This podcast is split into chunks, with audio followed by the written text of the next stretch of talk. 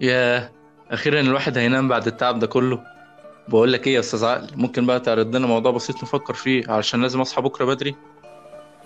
امم تنام. طب بقول لك إيه؟ كيف بدأ الخلق؟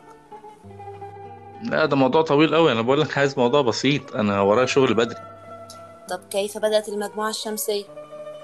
يا حبيبي أنت ليه مصمم على جمال البدايات؟ يعني شوف لنا حاجة تانية. تحب أخليك تفكر إزاي زاد وزنك في فترة الحظر؟ يا عليك ده أنا كنت بهزر. تصدق أنا نفسي من زمان أعرف معلومات كتير عن المجموعة الشمسية. اتفضل اعرض الدرس وربنا يستر.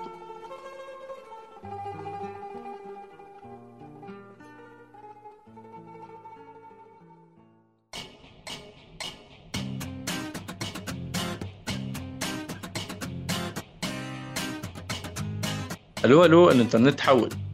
أهلا وسهلا بكم في حلقة جديدة من برنامج استرونوميات البرنامج كان فيه عن أي حاجة وكل حاجة ليها علاقة بالفلك ونقدر بشكل بسيط زي سلطه الكول سلو.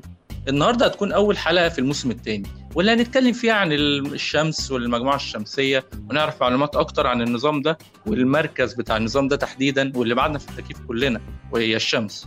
في بداية الحلقة أحب أطمنك وأقول لك أنت مش لوحدك.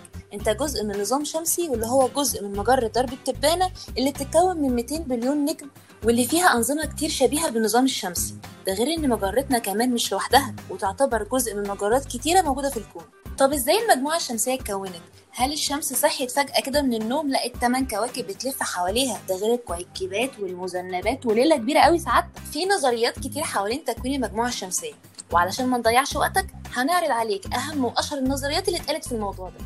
أول نظرية معانا هي نظرية كانت واللي اتسمت على اسم العالم الألماني إيمانويل كانت واللي أعتقد إن النظام الشمسي كان عبارة عن أجسام بتسبح في الفضاء لغاية ما جه الوقت المناسب واصطدمت ببعضها بفعل قوة الجاذبية.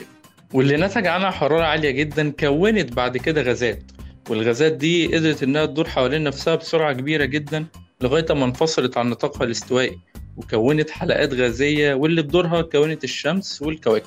تاني نظرية وهي نظرية الانفجار العظيم وصاحب النظرية دي العالم البلجيكي جورج لومتر واللي اعتقد إن في جزء من الفضاء كان عبارة عن غازات كثيفة واللي بمرور الوقت اتجمعت واتحدت وتسببت في حدوث انفجار نووي ضخم وكان السبب في تكوين الشمس والكواكب. ثالث نظرية وهي نظرية لوكير واللي اتسمت على اسم العالم البريطاني جوزيف نورمان لوكير.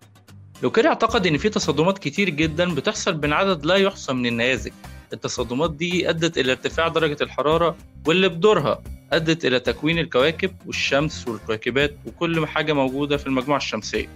بس أشهر نظرية هي النظرية اللي بتقول إن قبل 6 و4 بليون سنة كان النظام الشمسي عبارة عن سحابة ضخمة ولما بردت اتكونت الكواكب والكويكبات والمذنبات وكل حاجة بتدور في نظامنا الشمسي. ومع مرور الوقت ولسبب غير معروف انفجرت كرة الغاز اللي في وسط السحابة دي انفجار نووي عظيم مكونة الشمس. وبعد الشمس في الحجم بتيجي الكواكب. واللي بتترتب بحسب قربها وبعدها من الشمس وهم تسع كواكب عطارد والزهرة والأرض والمريخ والمشتري وزحل وأورانوس ونبتون وآخرهم بلوتو وده يعتبر الابن العقد على المجموعة الشمسية شوية ينضم ليهم يعتبروه كوكب وشوية يخرجوه من قائمة الكواكب. والمجموعة الشمسية مش شمس وكواكب بس لا ده في كمان مليارات المذنبات اللي بتتجمع في منطقتين أساسيتين هما ال Oort Cloud ودي أبعادهم وهي عبارة عن قشرة كروية بتحيط بالنظام الشمسي على بعد 50 ألف وحدة فلكية. وتاني مكان وهو Kuiper Belt وهو عبارة عن منطقة سميكة على شكل قرص. يمتد تركيزه من 30 ل 50 وحدة فلكية من الشمس.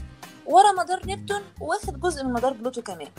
ومش بس بيحتوي على المذنبات ده كمان بيحتوي في مداره على كواكب قزمة زي سيروس وهاومايا وماكي ماكي وإيرس.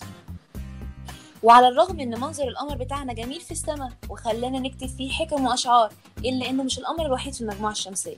كوكب المريخ لوحده بيدور حواليه قمرين ده غير عشرات الأقمار اللي بتدور حوالين المشتري وزحل وأورانوس ونبتون. الكواكب الوحيدة اللي مفيش حواليها اقمار هي عطارد والزهره ومع المنظر الجمالي للاقمار دي بنفتكر حلقات بعض الكواكب زي حلقات كوكب زحل وكوكب المشتري وأورانوس ونبتون.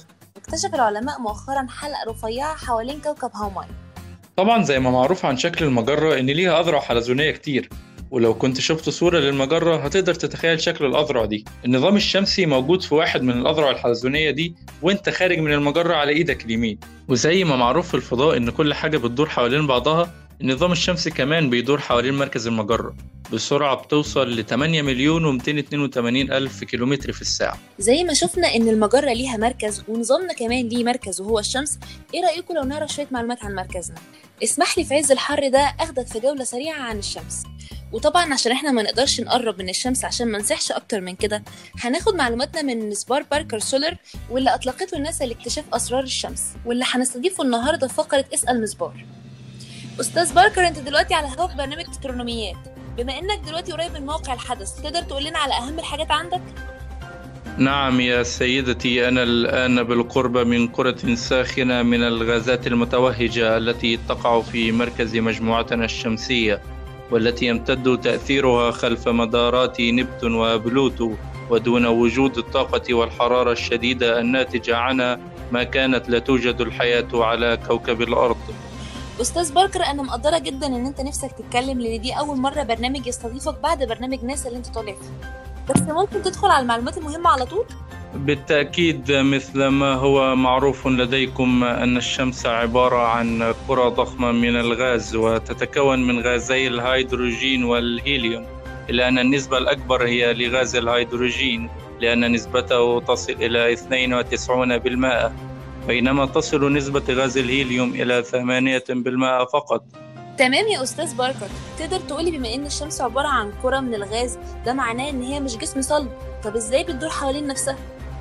ملاحظة جيدة. إن الشمس تدور حول مركزها على أجزاء وسرعات مختلفة بمعنى أنها لا تدور كجسم صلب وكتلة واحدة ولكن تدور عند أقطابها كل 25 يوما أرضي بينما تدور حول محورها مرة واحدة كل 36 يوما أرضي. طب ده الجزء الخاص بالدوران. بس هل ده يا أستاذ باركر بينعكس على تكوينها؟ ولا تكوينها زي بقية الكواكب؟ بمعنى إن ليها غلاف جوي وطبقات داخلية وهكذا يعني.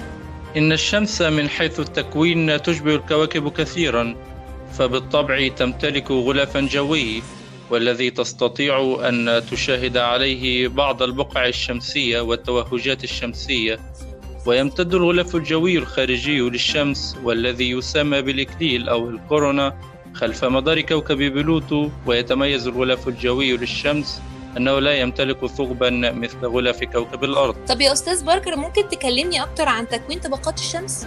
الشمس تتكون من طبقات تساعدها في نشر تكوين الضوء ونشر الحرارة.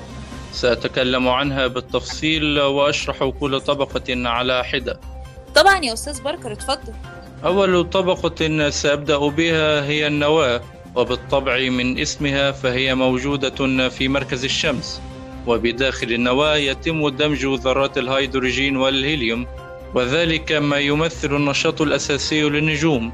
وهو عملية الاندماج ويساعد النواة على ذلك حرارتها المرتفعة والتي تصل إلى 15.7 مليون درجة مئوية والضغط الهائل الذي يتكون بداخلها.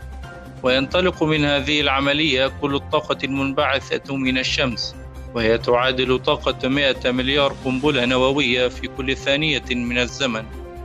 والنواة تشكل 20% من حجم الشمس وهي الجزء الذي يمتلك النصيب الأكبر من حرارة الشمس.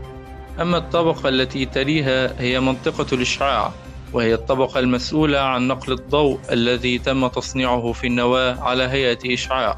وبسبب كثافة المادة المتواجدة بداخلها تستغرق الفوتونات وقتا طويلا جدا حتى تستطيع الخروج منها. وتشكل تلك الطبقة 70% من سطح الشمس. عندك حق يا أستاذ باركر ده بتأخر وصول الضوء لوقت طويل قوي بس أكيد في طبقات بتساعد يعني. بالطبع هناك بعض الطبقات المساعدة مثل طبقة منطقة التوصيل وتلك الطبقة مسؤولة عن نقل الطاقة من منطقة الإشعاع إلى سطح الشمس ولكن تلك الطبقة تسبب لي بعض الذعر. ليه يا أستاذ باركر؟ لأنها تحتوي على بلازما درجة حرارتها عالية جدا وتكون فقاعات أستطيع أن أراها بعيني تصل إلى السطح. ولكن لحسن الحظ تبرد تلك الفقاعات عند وصولها للسطح وإلا لانقضت مهمتي دون النجاح وعندما تبرد تلك البلازما تعود مرة أخرى أسفل منطقة التوصيل. الحمد لله قدر ولطف يا أستاذ باركر. كمل كلامك عن طبقات الشمس. توجد طبقات خارجية للشمس مثل طبقة الفوتوسفير وتستطيع أن تراها من على كوكب الأرض بمعدات معينة وتتراوح درجات الحرارة فيها من 3700 إلى 6200 درجة مئوية. وعند وصول الفوتونات لتلك الطبقة تستطيع أن تنتقل للفضاء الخارجي. وتلك الطبقة تتواجد في شكل حبيبات تظهر كأنها منطقة مشرقة في وسط الظلام. ولكن للأسف يتراوح عمر تلك الحبيبات من خمسة إلى عشرة دقائق على الأكثر. وأقصى وقت تستطيع أن تتواجد به هو 24 ساعة. طب يا أستاذ باركر عندك معلومات تانية عن طبقات الشمس حابب تضيفها؟ بالطبع فأنا لم أتحدث بعد عن طبقة الكروموسفير. أو كما يسموها الغلاف اللوني تلك الطبقة الموجودة فوق السطح الشمسي الفوتوسفير وارتفاعها ما بين 400 و 2100 كيلومتر. ودرجة الحرارة بداخلها تصل إلى 7700 درجة مئوية. ثم بعد ذلك تأتي الطبقة التي تذكركم بالمأساة على كوكب الأرض وهي طبقة الكورونا. ولكن تمتلك اسما آخر هو هالة الشمس. ذلك لأنها لا ترى بالعين المجردة ولكن نستطيع أن نراها جيدا وقت كسوف الشمس الكلي كهالة حول الشمس. من الواضح أن كل ما اسمه كورونا يرتبط بحدوث كارثة لا نستطيع أن نراها بالعين المجردة. وهناك أيضا طبقة في المنتصف ما بين طبقة الكروموسفير والكورونا وهي درجة الانتقال الشمسي ويبلغ سمكها 100 كيلومتر. هايل يا أستاذ باركر طب خلال فترة خدمتك ما لاحظتش حاجة مختلفة في الشمس؟ بالطبع أرى كل يوم أشياء كثيرة مذهلة ولكن أكثر شيء قد شتت انتباهي هي البقع الشمسية والذي يصل حجم الواحدة منها إلى حجم كوكب الأرض تقريبا ياه ده شيء مذهل فعلا طب ممكن تحكي لنا عنها أكتر؟ تتكون البقع الشمسية على سطح الشمس بسبب خطوط المجال المغناطيسي التي تنتقل من داخل الشمس للسطح وتكون عبارة عن بقع داكنة وذلك بسبب أن درجة حرارتها أقل من درجة حرارة الشمس وتصل درجة حرارتها إلى 3700 درجة مئوية. البقع الشمسية هي مشهد شائع على الشمس ويعبر عن الحد الأقصى للطاقة الشمسية. وهي فترة أكبر نشاط في الدورة الشمسية والتي تستغرق 11 سنة تقريبا. وتتكون البقعة الشمسية من جزئين جزء مظلم مثل ما ذكرت في بادئ الأمر وجزء أفتح من الجزء المظلم. ويوجد على كوكب الأرض مؤسسة تدعى مركز التنبؤات الجوية. تلك المؤسسة مسؤولة عن رصد بقع الشمس وتحليلها وخاصة البقع التي تمتلك تصاميم مغناطيسية معقدة والتي تتسبب فيما يعرف بالتوهجات الشمسية. الكلام عن المجال المغناطيسي للشمس ده فكرني بالرياح الشمسية يا أستاذ باركر اللي بتنشئ من التوسع الخارجي للبلازما. وده بسبب إن البلازما لما بتسخن لدرجة إن جاذبية الشمس ما بتقدرش تثبتها. وبعد كده بتنقل على طول المجال الخارجي للشمس وبتتمدد للخارج. ولما الشمس بتكمل دورتها حوالين نفسها مرة كل 27 يوم بتلف خطوط المجال المغناطيسي عند القطبين بتوع الشمس. فبيكونوا دوامة كبيرة وده بيخلق تيار مستمر من الرياح. لقد ذكرت للتو إحدى المخاطر التي أواجهها في مهمتي. لكن ذلك يختلف على حسب نوع الرياح. هناك رياح سريعة وموحدة وثابتة ورياح أخرى بطيئة وعاصفة ومتفرقة. تلك الأنواع تتواجد في أماكن مختلفة من الشمس ويتسارعون إلى أن يصلوا إلى السرعة النهائية. ولكن بالرغم من خطورتها إلا أنها تتسبب في منظر جمالي على كوكب الأرض. ذلك ما يسمى أضواء الشفق القطبي. وتلك الظاهرة تحدث عندما تصطدم الرياح الشمسية بالمجال المغناطيسي للأرض. شكرا ليك يا أستاذ باركر على المعلومات المهمة دي. الشكر موصول لك بالطبع وفي الختام أحب أن أشير إلى مجهودات زملائي أيضا مثل جينيسيس وسوهو وستيريو. طبعا يا أستاذ باركر وإحنا مقدرين التضحية دي. شكرا لمشاركتك معانا. في النهاية أحب أجاوب على سؤال إن ليه الكواكب ما بتقعش جوه الشمس طالما جاذبيتها قوية. كده أنا جذابة للدرجة دي. هل أنا جذابة للدرجة دي؟ الموضوع شبيه جدا بكونك في عربية. تخيل إن قوانين الحركة اللي بتحكمك وأنت في العربية هي القوانين اللي بتحكم حركة الكواكب حوالين الشمس. وأنت في العربية لو السواق بيتسابق مع السواقين اللي جنبه وسرع فأنت هتتحرك لورا. أما لو السواق حزين بقى ومشغل مصطفى كامل كل شوية يدوس فرامل فأنت هتتحرك لقدام.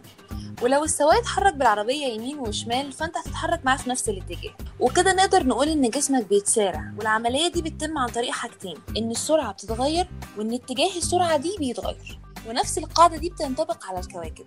هتلاقي كوكب بيتحرك حوالين الشمس في مسار دائري وبيحافظ على مكانه من الشمس متعامد على الاتجاه اللي بيتحرك فيه. وده في الآخر بيؤدي إلى إن الكوكب يدور من غير ما يقف. وبكده نكون وصلنا لنهاية حلقتنا ونتمنى إن إحنا نكون جاوبنا على معظم الأسئلة حوالين تكوين النظام الشمسي والشمس. نشوفكم في حلقة جديدة الأسبوع الجاي. ما تنسوش تبصوا على المصادر ولو عندكم أي أسئلة تقدروا تتواصلوا معانا عن طريق بيجي استرونوميات